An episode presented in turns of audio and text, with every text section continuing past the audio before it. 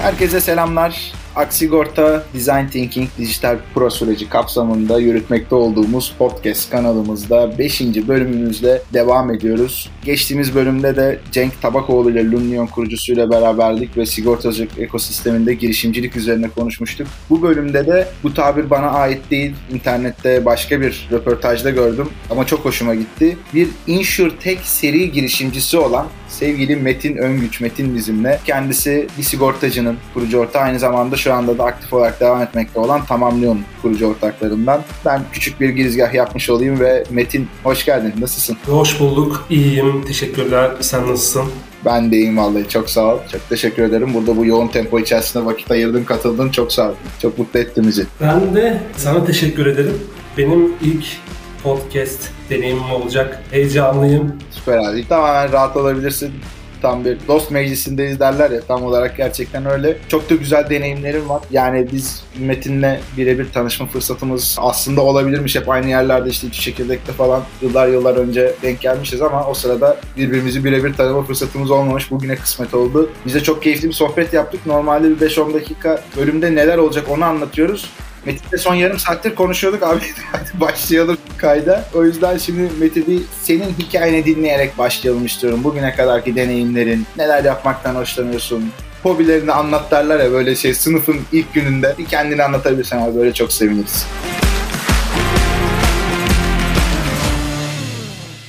Ben Metin Öngüç. Pamukkale Üniversitesi Satış Yönetimi ve Pazarlama bölümünden mezun olan bir arkadaşınım diyeyim aslında sigortaya tepki olarak doğmuş bir insan diyebilirim bir satıcı. Çünkü ben sigorta sektörüne girmeden önce bir alarm sistemi şirketinde çalışıyordum aslında sahada alarm sistemi satıyordu. Tabii üniversite döneminde başlayan freelancer web işleri var. Girmiyorum oraya. Alarm sistemi satarken daha bize şunu öğretmişlerdi. Demişlerdi ki girin bir yere işte e, sunum yapın. Deyin ki kardeşim senin evine hırsız girdiğinde işte sigortan var diyor kişi. Sigortan bu zararı öder. Alarm sistemi ise bu zarar olmadan önceki süreçleri engeller.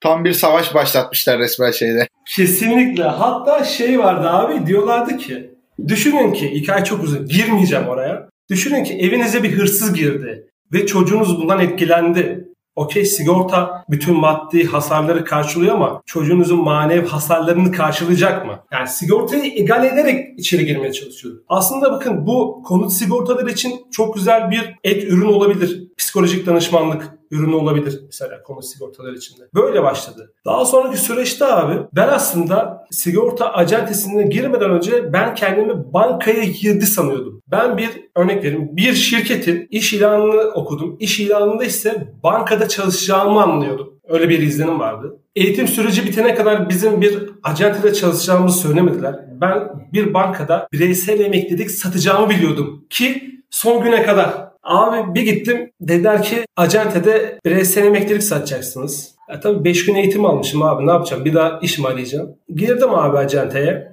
bireysel emeklilik hayat sigortası satışına başladım sahada. Yani şöyle bir cümle var satış ekosisteminde. Hayat sigortasını satan abi her şeyi satar. Anlatabildim mi? Böyle başladım. Sonra oradaki işte patron müdürle aram çok iyi oldu ve farklı yetkinliklerim olduğunu söylemiştim işte web sitesi gibi. Hatta ilk orada bizim genel müdüre bir blog sitesi hazırlamıştım. Hatta o zamanki ilk blog içeriğim şuydu. Tamamlayıcı sağlık sigortası nedir? Yıl 2013. Sonra dediler ki bizim bir tamamlayıcı sağlık projemiz var Metin. Sen madem sahada çok alarm sistemi sattın. Gel bir de hastane içinde sağlık sigortası sat dediler. Daha hiçbir acente tamamlayıcı sağlık ürünü nedir bilmiyorken buna tamamlayıcı sağlık sigortası demesem de TSS desem olur mu? Tabii ki olur. Ha. Sonuçta onun kodunu vermiş olduk. Aynen. Abi dediler ki TSS satacağız. Yanına 4 kişi al. Ben 4 kişiyle beraber hastanede start açtım. Hastanenin içindeyiz. Şöyle sana anlatayım durumu abi. Acil servistesin ya da yoğun bakım bölümündesin. Senin yanına gelip şey diyorum. Abi merhaba geçmiş olsun. Rahatsızlık nedir? Yakınımız vardı. İşte 10 gündür burada. Şöyle masraf çıktı. Böyle masraf çıktı. Elimde de bir tane broşür diyorum ki abi bak bu kadar masrafa ödemene gerek yoktu aslında. Böyle bir sigorta var. Haberin var mı? Aa, nasıl ya gerçekten böyle bir sigorta ürünü mü var diyordu. 4 ay boyunca çeşitli hastanelerde stand açıp bu ürün satmaya çalıştık. Ama tabii insanlar hastaneye can havliyle geldiği için çok başarılı bir proje olmadı aslında. Bizim için. Birçok grup yakaladık ama istediğimiz randıman almadık. O zaman dediler ki haydi bunu online satalım. Online tecrüben de var ya. İlkini abi anlatayım. Tamamlayıcı sağlık.com'la başladı benim online sigortacılık deneyimi. Orada 2-3 kişilik bir agent vardı. O web sitesinin işte Google Ads reklamlarını hatta Fransa ortağıydı o şirket. Fransa'dan gelen SEO içerikleri vardı. Onları inceleyerek ne yapabiliriz diye konuşuyorduk aslında. Orada da bir döngü vardı aslında. İnsanlar online'dan teklif alıyor. Daha sonra acentesine gidiyor. Tekrar işte fiyatı doğruluyorsa acenteden alıyor. Daha uygun buluyorsa gelip online siteden alıyor. Bu yıl 2013. Hatta şunu konuşuyorduk. Abi 5 yıl sonra bu iş patlayacak. Acayip bir şey olacak diyorduk online sigortacılık. Yeni nesil geliyor. Halen nesil geliyor bu arada. Neyse abi proje tutmayınca tabii ben masa başında online işler yapıyorum. Tekrar bireysel emekliliğe geri dönüş yaptık. Benim bir ekibim oldu 10-12 kişilik. Oradan da farklı bir Avivasa acentesine geçtim. Yine bireysel emeklilik, birikimli hayat ve tamamlayıcı sağlık ürünü satmaya başlıyordum. Hikayem şöyle oldu abi. Anlatayım. Normalde biz saha satış yaptığımız için arkada bir call center çalışanları vardı. Bunlar bize gün içinde lead oluşturuyorlardı. 3 adet, 4 adet. Bu lead'in de detayları vardı. İşte Ahmet Bey ticaretle uğraşıyor. Şu kadar bütçesi var. Bireysel emekliliği var ya da yok. Gidin bu adamla görüşün diyorlar. Biz de bu adamlarla görüşüyorduk. Daha sonraki süreçte abi bu KVKK meselesi çıktı. İzninli data olayı çıktı. Eğer izinli data yoksa işte çağrı merkezleri arayamıyor ve size müşteri dataları oluşmuyordu. Şimdi bakarsam da ne oldu bu sefer? Acentenin üretimi düştü, geliri düştü. Büyük bir sıkıntı içindeyiz. Randevu yok, görüşme yok. Ne yapacağız? Günlük bir iki randevu yol geçiştiriyoruz. Abi hikaye şöyle oluştu. Çok net yani. Kanyon'da AVM'deyiz abi. Görüşme randevu olmadığı için kaytarıyoruz. Ama ekiple beraberiz. Ya ben ekiple beraber kaytarıyorum. Arkadaşlar gelin bir sinema filmi izleyelim, kafamızı dağıtalım konusundayız. Tam böyle sinema başlarken böyle bir 20-25 dakikalık reklam var. Onun öncesi bir sessizlik var ya. Abi ne yapacağız ne yapacağız? Satışlar çok kötü. Yani çok kötü durumlar bizi bekliyor. Abi dedim ki bizim gibi olan da birçok bireysel emeklilik acentesi var. Dedik ki o zaman abi biz kendi liderimizi kendimiz oluşturalım. Müşterinin peşinden biz koşmayalım. Müşteri bizim peşimizden koştun ve aranan bir sigortacı olalım. Okey mi okey abi. Benim bir not defterim vardı. Açtım not defterime 6-7 tane domain adı yazdım. Ofise geldim. Domainleri aldım. Abi ben biraz böyle hızlı, heyecanlı, aksiyon yaşamayı seven bir insanım. Abi domaini aldım. 15 gün sonra ben işten ayrıldım. İşten ayrılırken de ekibimdeki arkadaşları iş buldum. İşte factoring'e giren var, işte yapı krediye giren var, farklı hatta şu an devam eden var. Bu arada ben bir sigortacıya başlarken açık konuşayım ben sana. Startup nedir bilmiyorum. Bunun adının girişimcilik olduğunu bilmiyorum. Coworking'dir, işte kuluçka merkezidir bilmiyorum. Ben sadece işten ayrılırken şunun için çıktım abi. Ben bir iş kuracağım. Okey bir fikrim var. Bu fikrimi hayata geçireceğim diye çıktım. Hiç böyle bir şeyim yoktu. Bilmiyordum. Bak söyleyeyim. Sıfır bilgi. Keşke olsaydı. Gittim abi. Bak çok gerçek.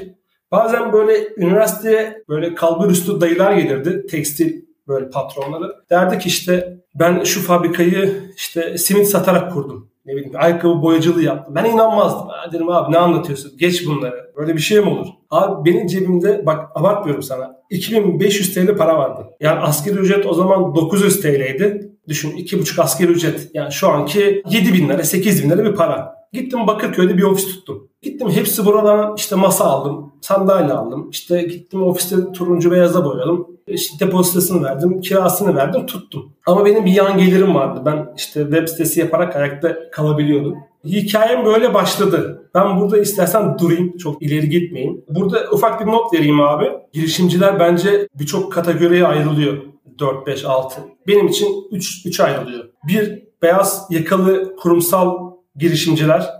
İşte benim arkadaşlarım da var. İşte 10 yıl, 12 yıl yurt dışında çalışmış. Yatırımcı görüşmesine mesela BMW'siyle gidiyor adam. Bir benim gibi mavi yakalı girişimci diyeyim. Bir de okuldan yeni mezun olan arkadaşlar. iş deneyimi olmayan arkadaşlar. Biz cebimizde paramız yoktu ama klasik olacak. Gerçekten aklımda yapmak istediğim bir şey vardı. Yani 26 yaşındaydım. Dedim ki abi ne olur ki 2 yılımı kaybetsem, 3 yılımı kaybetsem. Ben yine işte 29 yaşında, 30 yaşında bir işe girebilirim. Yani bu benim kaybedeceğim bir şey yok aslına bakarsan böyle çıktım yola. Yani ilkinde bizim evdekiler diyordu ya oğlum gir bir yere maaşını al çalış neyi uğraşıyorsun bu işlerle diyorlardı. Ama ben aklımda kalmasın yapmak istiyorum yapacağım diye girdim. Şey diye girmedim yani bunu herkese göstereceğim. Hani yapabildiğim herkes görecek diye değil Ben kendim için girdim abi. Böyle hikayem başladı. Abi çok güzel. Zaten bu iş öyle bir şey ki ona buna göstereceğim diye veya işte birileri istiyor diye falan veya arkadaşların böyle motivasyonuyla falan girilecek işler değil yani bunlar. Bahsettiğin şeyler anlatması kolay ama yaşaması da zor olaylar, hikayeler. Dolayısıyla kişinin kendi motivasyonuyla hareket etmek aslında tek seçenek. Yani bunun ötesinde başka bir şey yok. Bu motivasyon yalnızca para falan da değil. Yani gerçekten bir şeyleri başarabilme isteği, gerçekten bu bir şeyleri merak etme, deneyimleme isteği falan gibi pek çok olabilecek şey var. Ben bir şey merak ettim abi. Sen halen daha o ofiste misin? Yok abi değilim. Değilsin. Okey tamam. Çok ufak bir nüans var. Şu anki durduğum yer o ofis metrekaresinde bir duvarı turuncu bir duvarı beyaz. Yani orayı anımsıyorum. Şu anki masam da beyaz. Aynı büyüklükteki ofis var burada. Tabii diğer tarafta büyük bir yer var. Bazı şeylerden vazgeçemiyorsun yani. Abi evet renk takıntım var biraz ya. Süper tamam. Abi şimdi bu bir sigortacının o güzel, keyifli hikayesini de dinledik. Orayı da değinmek istiyordum. Güzel oldu. Peki şu anda ne yapıyorsun? Yani bir tamamlıyor yeni bir girişiminiz var. Hatta işte bu yüzden de o InsurTech alanındaki seri girişimci title'ı gelmiş oluyor. Şunu merak ediyorum. Tamamlıyor kimin hangi problemini nasıl çözüyor, ne gibi acılara çözüm buluyor, yola nasıl çıktınız, nereye doğru gidiyorsunuz gibi sorularım var. Abi tamam onu anlatmadan önce sigortacıya ufak bir değineceğim. Biraz da InsurTech alanındaki girişimci arkadaşlara belki biraz fikir olur. Biz abi Etü Çekirdeğe girerken yanlışlıkla girdik oraya biz. Biz Cosket binasına bir abiyle tanışmaya gittik. Bir abiyle tanışmaya giderken oradan Ahtapot app'te Özer var. Onunla tanıştık. Dediler ki abi ne işiniz var burada? Bir gelin bize bir bunu bir anlatın. İTÜ Magnet'te. Gittik anlattık. Dediler ki yani neden çekirdeğe girmiyorsunuz? Dedik ki biz girebilir miyiz? Tabii ki girebilirsiniz dediler. Bize ilk çekirdek maili geldiğinde biz havalara uçmuştuk. Sadece online davet maili geldiğinde havalara uçmuştuk. Bu arada InsurTech'in ne olduğunu bilmiyorum. Söyleyeyim ben sana. Hep böyle fintech fintech deniliyor. InsurTech fintech'in altında gidiliyor. Birçok yere çağırmışlardı. Fintech. Nedir bu fintech, InsurTech? Neyse abi gittik. Şöyle söyleyeyim ben sana. Sigorta ile ilgili hiçbir mentor yoktu orada. Yani birkaç kişi vardı işte Emre Omacan vardı, Akito çevresindeki insanlar vardı. Çok fazla sigorta ile ilgili kişiler yoktu. Biz abi Türkiye'de ilk defa InsurTech alanında yatırım alan girişim olduk bisigortacı.com. Hem Agito hem de İTÜ'den. Daha sonra işte bir batma çıkma olayları oldu. İşte en son bir tane şirket bize yardımcı oldu. Yine devam etmedi. Çeşitli süreçler. Şöyle söyleyeyim abi, girişim olarak söyleyeyim. Türkiye'de InsurTech konuşulmuyorken bir anda InsurTech konuşulmaya başlandı aslında. Hatta işte ilk yazıyı da Okan Bey yazmıştı bir yerde. İşte Türk InsurTech ekosistemi diye başlangıç şuydu. Bir sigortacının yatırım almasıyla beraber bütün odaklar buraya çekildi. Sektör için küçük ama bizim için büyük bir yatırımdı. Sigortacılık için de büyük bir yatırım. Yani ya bizim dönemimizde de yoktu sigorta gelişimi. Bizi geçen abi bizim sürecimizdeki kuluçka merkezlerinin hiçbirinde yoktu. Bizden sonra bizim gibi iş yapan arkadaşlar çıkmaya başlamıştı. O açıdan buraya değinmek istiyorum abi. Çünkü bu hem benim için de çok önemli bir konu. Daha sonra süreçte hem İTÜ InsurTech diye bir bölüm açıldı. İşte Yıldız Teknik'te InsurTech Hub devam ediyor. Sonra farklı kuluçka merkezleri InsurTech kategorileri açmaya başladı ve bu süreç devam etti. Şimdi abi ben 2020'nin sonunda bir sigortacıyı bıraktım tamamlıyor geçiş yapacağım ufak ufak. Bırakmadı şöyle. Ben askerdeydim abi. Belirli askerlik durumu vardı. Gittim işte askere. Askerde işte herkes ellerine kitap kitap götürüyor. Bol bol vaktimizde kitap okuyalım diye. Ben de abi Google'ın Sırları diye bir kitabı götürmüştüm. Ben o kitabı okumaya başladım. Dedim ki ben bunu bırakacağım bir sigortacıyı. Bunu daha fazla ilerletmeyeceğim. Şimdi infiale yol açmayayım abi. Bu kitabı okuyan herkes aksi sigortadan istifa etmesin. İnsan kaynaklarına iş çıkartmayayım. Ben bu kitabı okudum. Dedim ki ben Gidiyorum abi. Yapamam. Çünkü istediğim rakamlar olmadı. Bir büyüklüğe gelmedi. Yerinde sayıyor. Belli bir kitlenin içinde kaldı. Bizimle aynı işi yapan 5-6 startup çıktı. Hiçbirisi devam edemedi yoluna. Abi dedim çıkacağım. Gittim işte dedim ya ben bu işi bırakacağım. İşi bırakma sürecim 2 ay sürdü. İşte birkaç şirketten teklif geldi. Gel burada çalıştı. Ya dedim abi yok beyaz yakalık bana göre değil. Ben girişimciyim yani. Bu bizim kanımıza işlemiş. Ben de aklımdaki fikirleri yapmaya devam edeceğim. Şöyle devam edeyim. Bir sigortacı bitti abi.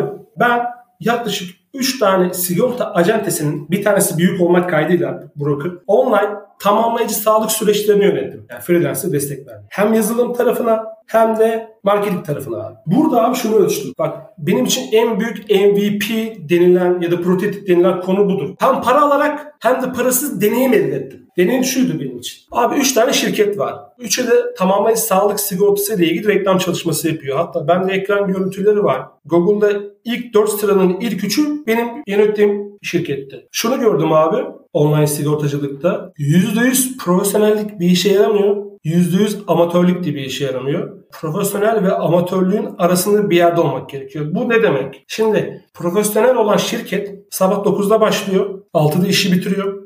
Bu arada 12'de de öğle yemeği yiyor. Eğer bu süreçte bir müşteri talebi geliyorsa o müşteriyle kimse ilgilenmiyor. 6'yı bir geçe bir müşteri talebi varsa ya da müşteri diyorsa ki kardeşim beni 7'den sonra arayın. Kimse aramıyor abi. Adamın işi o. Bitti. Geçiyorum. Buranın dönüşüm oranı %3,5 satış oranı. Çok düşük bir oran değil mi ya %3,5? Anlatacağım abi geliyorum evet çok düşük. Bu arada online satış yok. Neden online satış yok? Çünkü birçok şirket yazılı belge istiyor sağlık sigortasında. Beyan istiyor. Diğer şirket ise abi amatör olan yani çok amatör değil de amatör olan şirket sabah 9'da başlıyor. Akşam 6'da okey. Öğle arasında data geliyorsa arıyor. Akşam 6'dan sonra müşteri beni ara diyorsa arıyor. Cumartesi günü ara diyorsa arıyor. Bak şuna şahidim. Agent tatildeydi, denizdeydi. Bak abartmıyorum. Laptopu yanındaydı. Müşteri ara dediği için arıyordu. Konu burada. Bunların bunların da oranı %7,5 civarı. Satış dönüşüm oranı. Satmaya devam ediyorlar. Bu arada 3,5 ile 7 arasında iki kat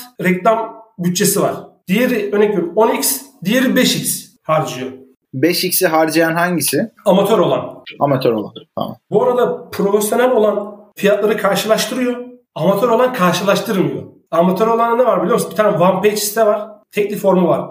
Benim yaptığım. Tabi arkada bir agent takip programı var. O ayrı mesele. Bu var abi. Şimdi diğer taraf sadece 212 numaradan arıyor. Bu taraf 212'den arıyor. Cepten arıyor. WhatsApp'tan yazıyor. Anlatabildim mi? Müşterinin peşine bırakmıyor yani. Devam. Sürekli devam ediyor. Üçüncü seçenekte ise bu arada bir ve ikinci seçenekteki agentlar sadece bu işe bakıyor. Hı hı. Tek bu. Başka bir işleri yok. Üçüncü seçeneğindeki agentlar ise abi normal acentede çalışıyor. Operasyonel işlere bakıyor. Ekstra bir de poliçe atmaya çalışıyor.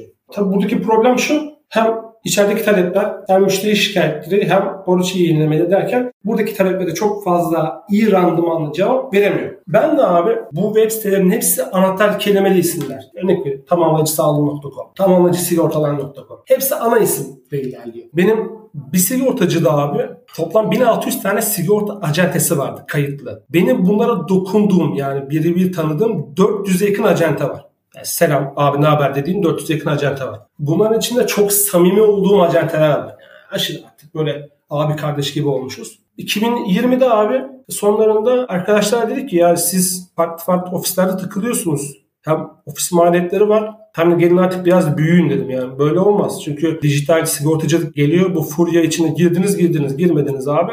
Bu iş sonu çok iyi değil. Üç kişi biz birleştik. İki tane acente var benle beraber. Toplam bunun deneyimi 12 yıl. Bir tanesinde ekstra 10 yılda mali müşavirlik deneyimi var. Aslında finans tarafının deneyimi var. Biz ofisi kurduk. Başlarken ben tamamlayıcı sağlık projesi yapacağımı söyledim onlara. Dedim ki abiler şu an Türkiye'de bu arada pandemi de patlamış ve sigortalılık oranı iyice artıyor. 2019'da 2021 arasında kat bir oran da var aslında şu anda. Dedim ki abi benim şu an 4 tane TSS geçmişim var. Burada da böyle böyle problemler var. Gelin burada bir açık da var. Aslında ne açık var biliyor musun? Türkiye'de şu an sağlık sigortası denildiğinde aklına gelen bir marka yok. Yani sigorta şirketlerinde es geçiyorum. Yani şu, şöyle düşünelim abi. Kredi kartı deyince aklına Garanti Bankası mı geliyor? Ya da Akbank mı geliyor? Easygo, Payo geliyor. Dedim ki abi burada böyle bir açık var. Bizim bu açığı kapatmamız lazım. Ekstra farklı işler yapmamız gerekiyor. Biz bir online sağlık sigortası satan bir dijital acentenin dışında olmamız gerekiyor. Acente ile bir yazılım şirketi arasında bir şirket olalım. Ne olalım? Biz tamamlayan.com olarak abi şu an 9 tane sigorta şirketinden online tamamlayıcı sağlık sigortası fiyatlarını karşılaştırıyoruz. Birincisi abi klasik sigortacılıktaki işte TC, boy, kilo, geçmişten gelen rahatsızlık var mı, yaş, cinsiyet, bulunduğun ile kadar tüm bilgileri alıp sana fiyatlandırma yapıyoruz. İkincisi abi ayrıştığımız konu şu. Biz abi hiçbir kişisel veri almadan görüntü işleme teknolojisini kullanarak tek bir fotoğrafla ister bireysel isterse de aile grup sağlık sigortası fiyatı alabilirsin. Yani 5 kişilik bir aile tek tek TC'sini, boyunu, kilosunu, bütün bilgilerini girmeye gerek yok abi. İstersen sisteme girip fotoğrafını yükle, istersen bir selfie çek abi. Saniyeler içinde 9 tane şirketten bu fiyatları karşılaştırabilirsin. Biz burada abi şunu yaptık. Bunu yapan bu arada Türkiye'de kimse yok abi.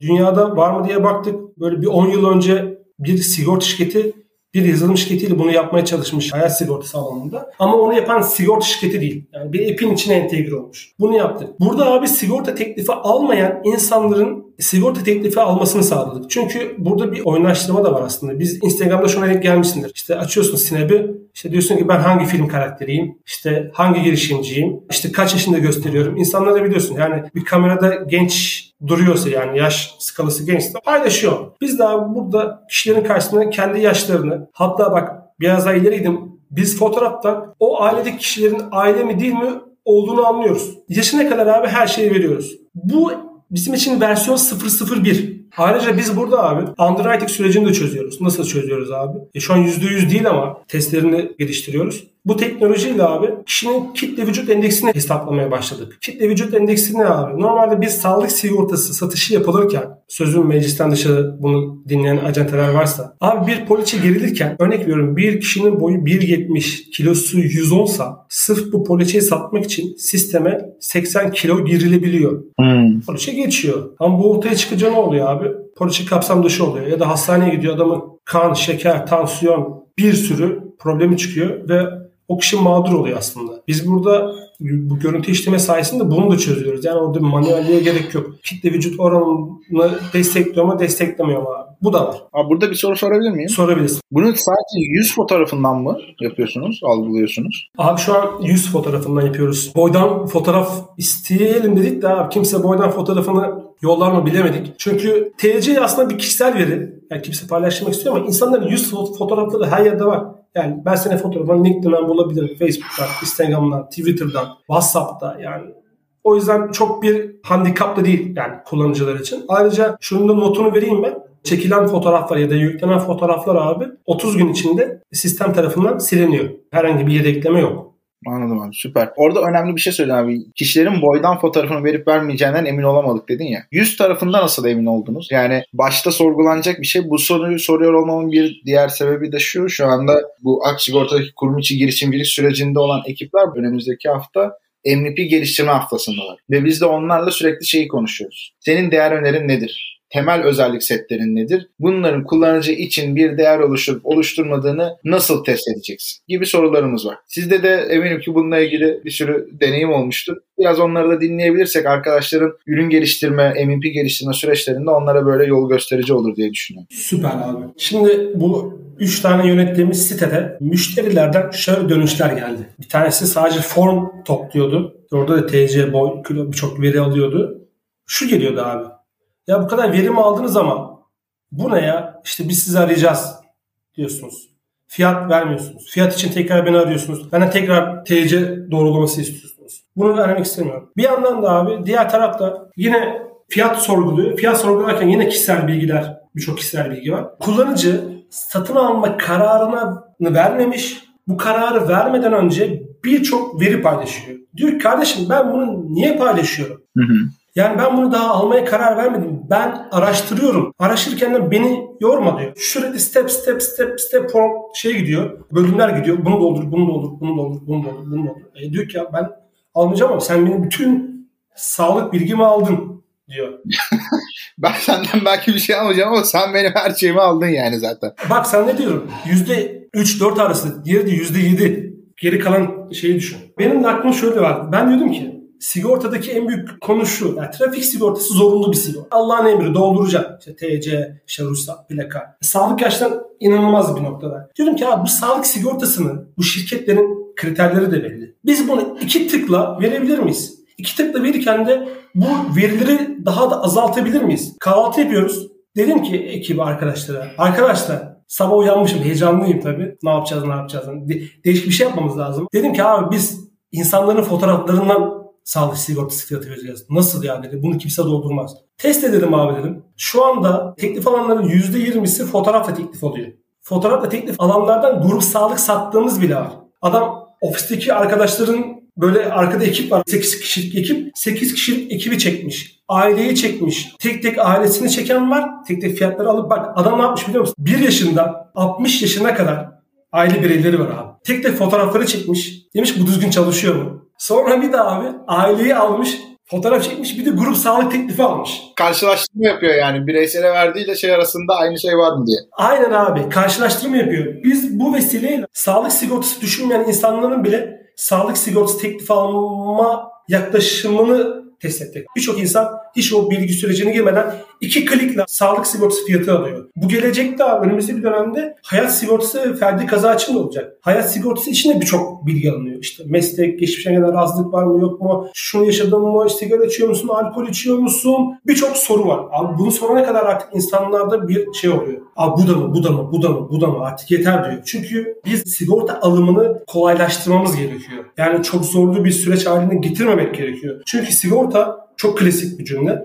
Alınan bir ürün maalesef değil, satılan bir ürün. Şu, ben şimdi geçen gün e, sosyal medyaya giriş yaptım. Harika bir pantolon gördüm. Wow bu müthiş pantolon benim beğendiğim bir pantolon türünde. Ben bunu alayım. Şimdi sabah kalktım. Wow inanılmaz bir hayat sigortası. Bunu kesinlikle almalıyım. Ben bunu almazsam yaşayamam. Diyeyim demiyor kimse. Yani en önemli konu abi hem sigortalılık sürecini arttırmak ve bu onboarding süreci dediğimiz yani teklif süreçlerini kısaltmak. Ben ilk etapta şu an abi teklif sürecini kısalttım. Daha sonraki süreçte en büyük benim gördüğüm problem şu abi. Sağlık sigortası satılırken üçünde elde ettiğim deneyim şu. Mesela agent sağlık sigortası satıyor sana ya da bana değil. Ben diyorum ki ya işte Atakan benim gözümde ufak bir seyirme var.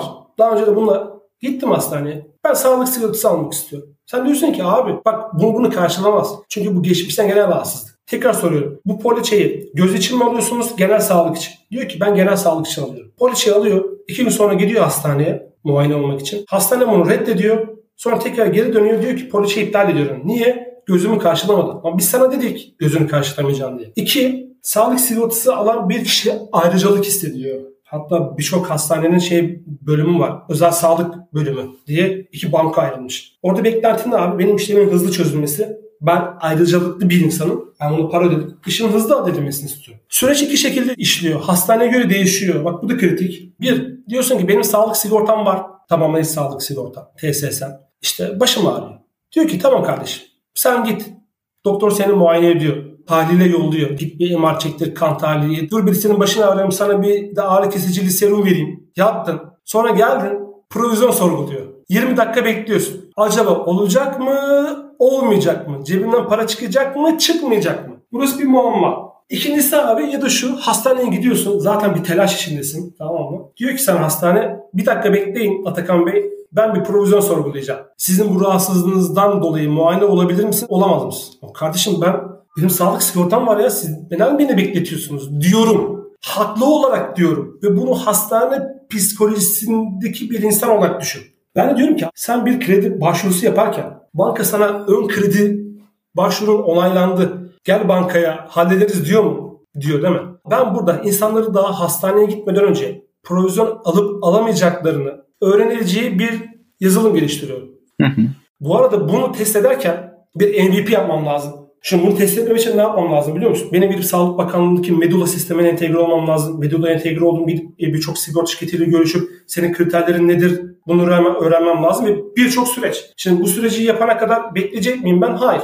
Ben ne yaptım biliyor musun? Test ediyorum yine kapalı kullanıcılarda. Bir chatbot yaptım. Provizyon chatbotu. Soruyor. Selam Atakan nasılsın iyi misin? İyiyim. Hangi rahatsızlığın için hastaneye gideceksin? Diyorsun ki atıyorum sağ kolum ağrıyor. Polise ne zaman var? Bir yıl önce var. Rahatsızlık ne zaman? İşte bir hafta var. Daha önce de bununla ilgili bir şey geçirdim mi, geçirmedim mi? En namazına baktım mı, bakmadım. Kayıt var mı, yok mu kadar? Birçok soruyu soruyorum. Sonra diyorum ki evet sen %70, işte %80, %90 provizyon alabilirsin. Atıyorum %40 alamazsın diyorum. Bak %100 alamazsın da demiyorum. %40, %30 alamazsın diyorum. Ama buradaki test etme konu şu. Ben böyle düşünüyorum da gerçekten insanların buna ihtiyacı var mı? Neden ihtiyacı var mı? Ben ilk dediğim işte Medula'ya bağlandım. Sağlık Bakanlığı'na işte şirketlere bağlandım. Bir sürü yazılım geliştirme sürecine girdim. Harika bir ürün çıktı. Ama kimse kullanmıyor.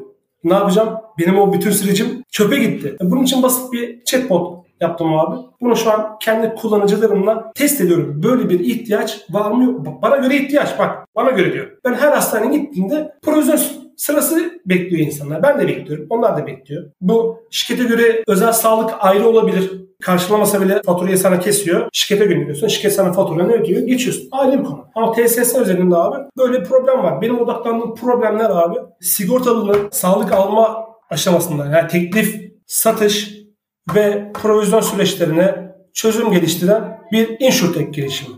Tamamlayan.com.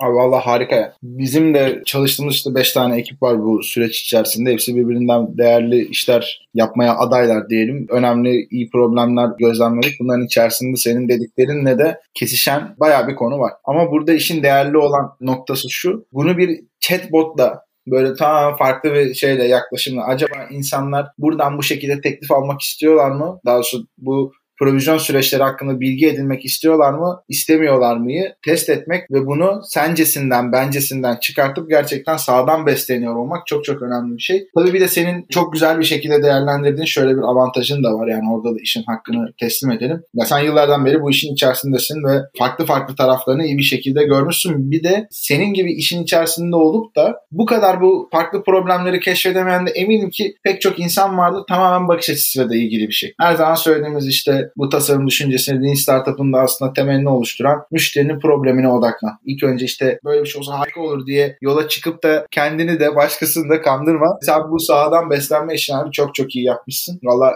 çok güzel e, böyle ayrıntılı. Normalde mesela bu kadar ayrıntıya bu tarz kurumlarla yaptığımız podcastlerde çok fazla girilmesini şey yapmıyoruz. Yani çok tercih ettiğimiz bir konu değil ama sen o kadar böyle sağdan içgörü şeyde paylaştın ki burada. Persona görüşmesi gibi oldu yani bu bölümü dinlemek için. Teşekkürler. Deneyimin de çok. O yüzden eyvallah eline ağzına sağlık diyorum. Şimdi yavaştan sona doğru da yaklaşıyoruz biraz aslında böyle kısa soru cevap şeklinde gidebilecek olduğunu ümit ettiğim şeyler. Bu şu anda sence sigortacılık dünyasında Biraz daha mesela fintech'e baktığımız zaman şu anda son derece şeyde. Özellikle Türkiye mesela ileride gidiyor. Bu alanda bir sürü girişim exit etti vesaire vesaire. Kurumlar çok daha teknolojik altyapılarını güçlendirmiş durumdalar. Onların da tabii ki müşteri odaklı olmayla ilgili şu anda kendilerini geliştirmeleri gereken noktalar var ama biraz daha dijitalleşme eğilimi yüksek olan bir alan. Neden sence sigortacılık dünyasında bu iş bu kadar böyle geride kaldı? Yani büyük ölçekli kurumların yaklaşımlarından dolayı mı? Toplumun veya toplumların yaklaşımlarından dolayı mı? Bu durum sadece Türkiye'de mi böyle? Dünyada da benzer şekilde mi işliyor yoksa Türkiye görece yine iyi mi kalıyor falan? Hani hep şey geyi vardır ya abi sen hiç Amerika'ya gittin mi? Oradaki sağlık sistemini bir görsen öyle kötü ki falan gibi konular. Topu sana devrediyorum. Abi süper. Çok kısa geçeyim burayı. Biz tamamıyla duygusal bir milletiz. Ben bir örnek vereceğim bununla ilgili. Neden yavaş ilerliyor? Bundan 3 yıl, tam tarih karışabilir. İsim de vereyim ben. İspanya menşeli bir şirketti galiba. Tam12.com diye bir web sitesi açıldı Türkiye'de. Bu arkadaşlar yani 10 tane ülkede varlar bu arada. Biz ilk görüşümüzde dedik ki yaptıkları konu şuydu. Biz trafik kasko satacağız ama arada bir hiçbir agent olmayacak, hiçbir aracı olmayacak. Tamamıyla kullanıcıya gelecek ya self servis satış alacak ya da direkt sigorta şirketine bağlanarak bu poliçeyi alacaklar. Dedik ki neden bir dokunuş yok? Dediler ki Türkiye çok genç nüfuslu bir ülke. Sigortacılıkta yeni başlayan önü açık bir sektör. Biz burada bu işin tutacağını düşünüyoruz dediler. Ben de dedim ki müşteriye dokunmazsanız şu anlık için çok bir iyi randıman alacağınıza benzemiyor. Fikir harika. Ben fikire bayıldım. Bak ona bakarsın. Ben dedim ki ben neden bunu yapmadım? Bir buçuk yıl sonra kapandı şirket. O kadar yatırım kapandı. Ben çok üzüldüm. LinkedIn'de paylaşmıştım. Yani ben böyle bir hikaye gibi görüyordum onu anlatabildim mi? Yani insurtech alanında dedim ki ya bu bize motivasyon sağlayacak diyordum. Ama Türkiye'de maalesef mi abi? Sigortada şöyle bir şey var. Bak birçok kurumsal kişide de var bu. Şirkette çalışmış da olsun. Abi trafik sigortasında bile Bak trafik sigortasında bile online alma evet yüzde o da düşük. Şüpheye düşebiliyor. Diyor ki gerçekten bu teminat doğru mu? İMM teminatı diye bir teminat var işte karşı tarafa verilen hasarla ilgili. Doğru mu deyip bir ses duymak istiyor. Bak chatbot ayrı. Bir onay almak istiyor hala. Sağlık sigortasına baktığımızda inanılmaz bir onay süreci var. Neden? Bir trafik kredi kaskoda. Kaskoda değil mi? Eksik bir teminat girdin. Arabanın ön tamponu gitti. Ya da Camı kırıldı, cam teminatı yoktu. Acente onu kendi cebinden karşılayabilir ya da kullanıcı onu kendi cebinden karşılayabilir. Ama sağlıkla ilgili bir eksik bilgi girdiğinde onun kimsenin karşılama ihtimali yok. O yüzden hala Türkiye'de biraz dokunuş gerekiyor. Bu bizim ülkemizde böyle. Evet gidip Lemonade'in olduğu bir yere bakarsak abi %75'lik bir oran var. Ama o, o bu değil. Şunu da söyleyeyim. Lemonade'i ben Türkiye'de anlatsaydım, yapsaydım abi ya da başka birisi yapsaydı. Ya öyle şey mi olur kardeşim? Bir dakikada hasar mı ödenir? Yapma, batırma bizi derlerdi. Lemonade batıyor abi. Kar etmiyor. Herkes yatırım yapıyor. Ama şu an InsurTech ekosisteminde en çok konuşulan startup. Evet. InsurTech diye yazıp böyle bir InsurTech Reports, InsurTech işte entrepreneurship falan gibi bir şey yazdığın an tak diye ilk başta çıkıyor. Çok güzel girişimler var abi. Benim daha hoşlandığım. Oscar var mesela sağlık sigortaları odağında. İnanılmaz. Metromile diye bir girişim var. Türkiye'de bir ara yapılmaya çalışıldı galiba. Abi harika bir girişim. Hatta Türkiye'ye birebir uyan bir insurtech. Neden? Kurum içi girişimcilere sesleniyorum abi. Duyun beni. Kasko sigortalarındaki iptallere bakın. Bu iptaller neden oluyor? Bir, kasko sigortalarında abi birçok kişi arıyor ajanteyi. Selamünaleyküm kardeşim. Kaynağım bu. Ben memlekete gidiyorum. Bana bir kasko yapar mısın? Memleketten de döneceğim. Bunu iptal edersin. Neden biliyor musun? Memlekete gelince başına bir şey gelirse karşılasın diye. Metromay ne yapıyor abi? Diyorsun ki ben buradan Malatya'ya gidiyorum kardeşim. Malatya'ya gidene kadar ki tüm riskimi karşıla diyorsun. Kullandıkça ödüyorsun. Tertemiz. Sana bakıya gibi veriyor yani aslında öyle mi? Sana riski ölçüyor abi. İstanbul Malatya arasındaki kazalı risk bölümleri sana söylüyor. Tamam diyor ki bak ben senin bu sürecini işte 100 dolara karşılarım kardeşim. 95 dolara karşılarım. Ödüyorsun ve tertemiz kurtuluyorsun. Bak bu birincisi. İnanılmaz. Keşke ben yapabilsem. Param olsa da ben yapsam. Hadi ya param olsa ben de alsam.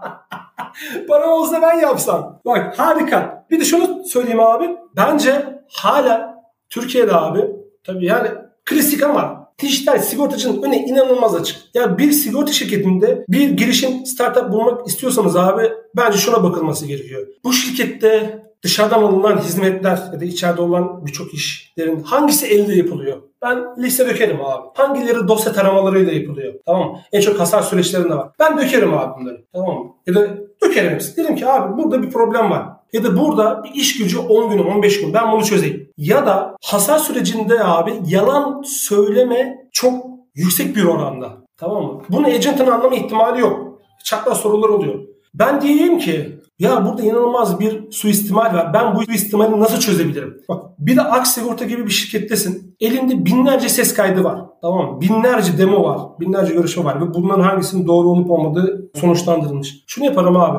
Daha agent'la kaza anında kullanıcı konuşuyorken kullanıcının sesini analiz ederim. O seste bir yalan söylemi hissedersem karşısına soruları çıkartırım abi. Derim ki çat çat bunları bunları sor. Çapraz soruları sor. O hasarda suistimal var mı yok mu bir şekilde anlamaya çalışırım. Yani halen özellikle sigorta şirketi içinde bence inanılmaz süreçler var ve ak sigorta şu an programda olduğum için söylemiyorum. Mesela ada yapay zekaları var birçok işlemi saniyeler içinde yapabiliyor. Ve Aksigorta bence bu problemleri çözmekte öncü diyebilirim. Yani ben adayı inanılmaz beğenmiştim. Yani dedim harika bir iş yapmışlar. WhatsApp'tan bile çözebiliyorsun abi. Yani bir acente bile bütün hasar işlemlerini çözebiliyor. Yani benim ben Aksigorta'da olsam ne yapardım? Yani Aksigorta'da olsam iki hafta hasar bölümünde takılırdım. iki hafta Cidden diyorum hasar bölümünde takılırdım. Aktüel bölümünde dolaşırdım. Satış bölümünde dolaşırdım. Rücu bölümünde dolaşırdım. Hı hı. İnanılmaz bir bölge. Yani rücuyla var ya Aksigorta'yı kar ettirirsiniz. Aksigorta da belki size oradan ekstra prim öder. Çok güzel bir bölge. Paranın dolaştığı bir bölge. Ben tek tek buralarda abi zaman geçirirdim. Halen yapılacak çok şey var.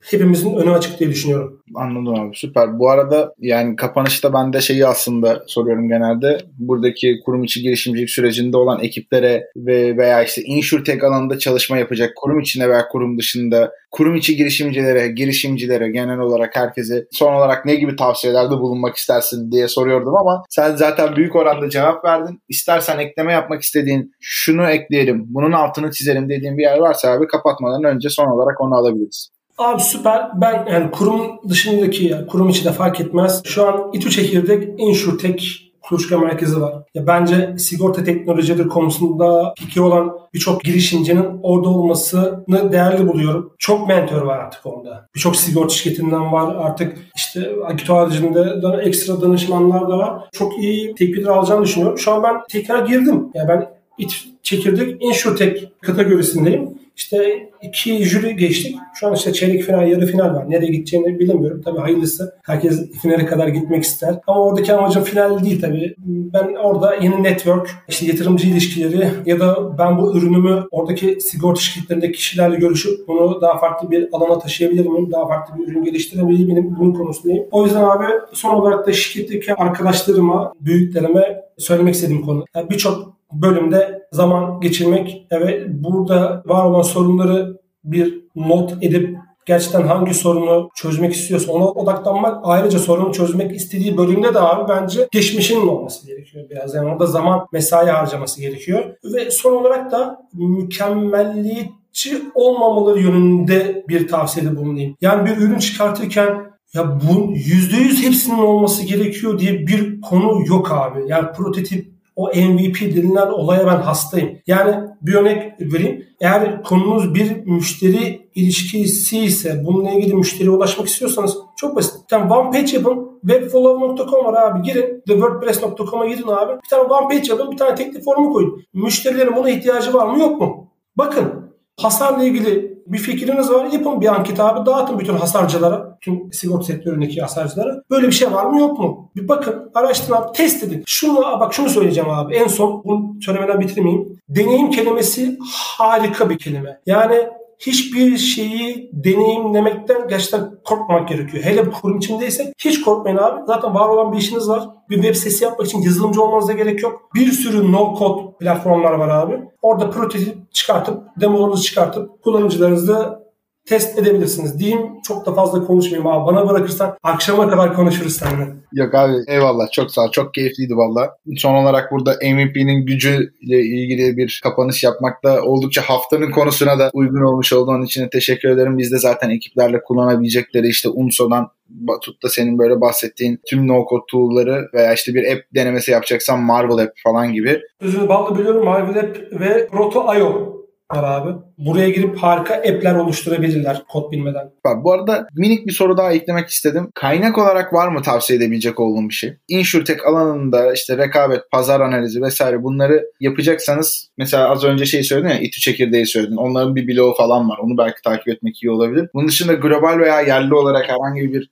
yayın, mecra, podcast vesaire YouTube kanalı bir şey var mı? İnsurtech'le ilgili tek kaynak kim biliyor musunuz? Yani bununla ilgili üzerinde duran Okan Utkueri. Yani Okan Utkueri'nin Sigortacı gazetesindeki bölümünde çok insurtech kişileri görebilir. Bu yorumları, röportajları izleyebilirsiniz. Bunun haricinde Sigortacı gazetesi sigortadijital.com Sigortadijital.com'da abi yurt içi ve yurt dışındaki birçok insurtech yatırımını ve girişimini bulabilirsiniz. Dünyadan InsurTech diye bir kategorileri var. Kendisi benim arkadaşım oluyor. Web sitesini ben hazırladım. Ama işi yöneten kendisi. Burada birçok InsurTech kategorisindeki yazıları bulabilirsiniz. Harika fikirler var. Ya Türkiye uyarlanabilecek işler var mı? Var. Ama tek nokta bir acente olarak regülasyon olayına çok takılıyor acenteler. Neden acenteden fikir çıkmıyor? Çok takılıyor. Ve yurt dışına baktığımızda birçok girişim sigorta şirketi. Lemonade bir sigorta şirketi. Oscar bir sigorta şirketi. Aksigorta'daki yani ya da diğer sigorta şirketindeki arkadaşlar bence biraz daha şanslı. Çünkü kendi sigorta şirketleri içinde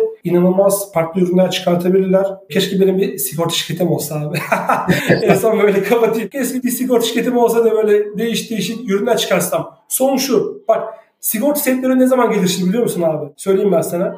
Ne zaman ki konut sigortası poliçelerin içine halı yıkama, kombi bakımı eklenmezse abi tamam mı? Bu çıkartılırsa biz gelişiriz. Çünkü birisi ürün geliştiriyor. Wow harika bir konu sigortası var. Ne içinde? Ne var içinde? 3 tane halı yıkama var. Oo bravo. Bu ne abi? Biz halı yıkama... Promosyon yapıyorum yani. Abi bırak biz halı yıkamacı şirketi miyiz ya?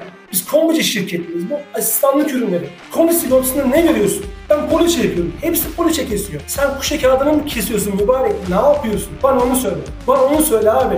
Ben kombi bakım yapıyorum. Hayır yapma. Bak nedir mi ilk başta içine? Psikolojik danışmanlık etle hırsızlık anında daha iyi abi. Ya bırak halı yıkamayı ya. E, sinirlendim. Abi, herkes de halı yıkama var. Böyle bir otururken. Buna yetkilileri sesleniyorum. Buna yetkilileri sesleniyorum. Lütfen halı yıkama ve kombiyi Lütfen bırakın ya. Bu kadar abi. Eyvallah. Eminim ki bu ses duyulacaktır. Farklı bir yaklaşım olarak da değer bulur diye düşünüyorum. Valla ben katıldığın için çok teşekkür ediyorum. Özellikle şu sıra çok şanslıyım. Çünkü kurucu ve ürün uyumunun çok yüksek olduğu ekiplerle, girişimlerle, çeşitli platformlarda bir araya gelme fırsatım oldu. Senin ne yaptığımız bu bölümde onlardan birisi. Zaten sonucunu da görüyoruz. Yani benim çok çok az konuştuğum kendime notlar aldığım ve moderasyonda böyle senin akıp gittiğin çok güzel, keyifli bir bölüm oldu. Öğretici oldu. Bu süreçteki dinleyen arkadaşlar için de lütfen buradaki tavsiyeleri tekrar tekrar dönüp bakmalarını öneriyorum. MVP ile ilgili zaten daha fazla ben tekrar etmeyeyim. Metin de çok güzel bir şekilde durumu açıkladı. Dileriz ki sizler için de keyifli bir bölüm olmuştur. Metin sana da tekrar çok çok teşekkür ediyorum abi. Ağzına sağlık, emeğinize sağlık, yolunuz açık olsun. Ben de teşekkür ederim. Tekrardan başka yerde görüşmek üzere. Görüşmek üzere.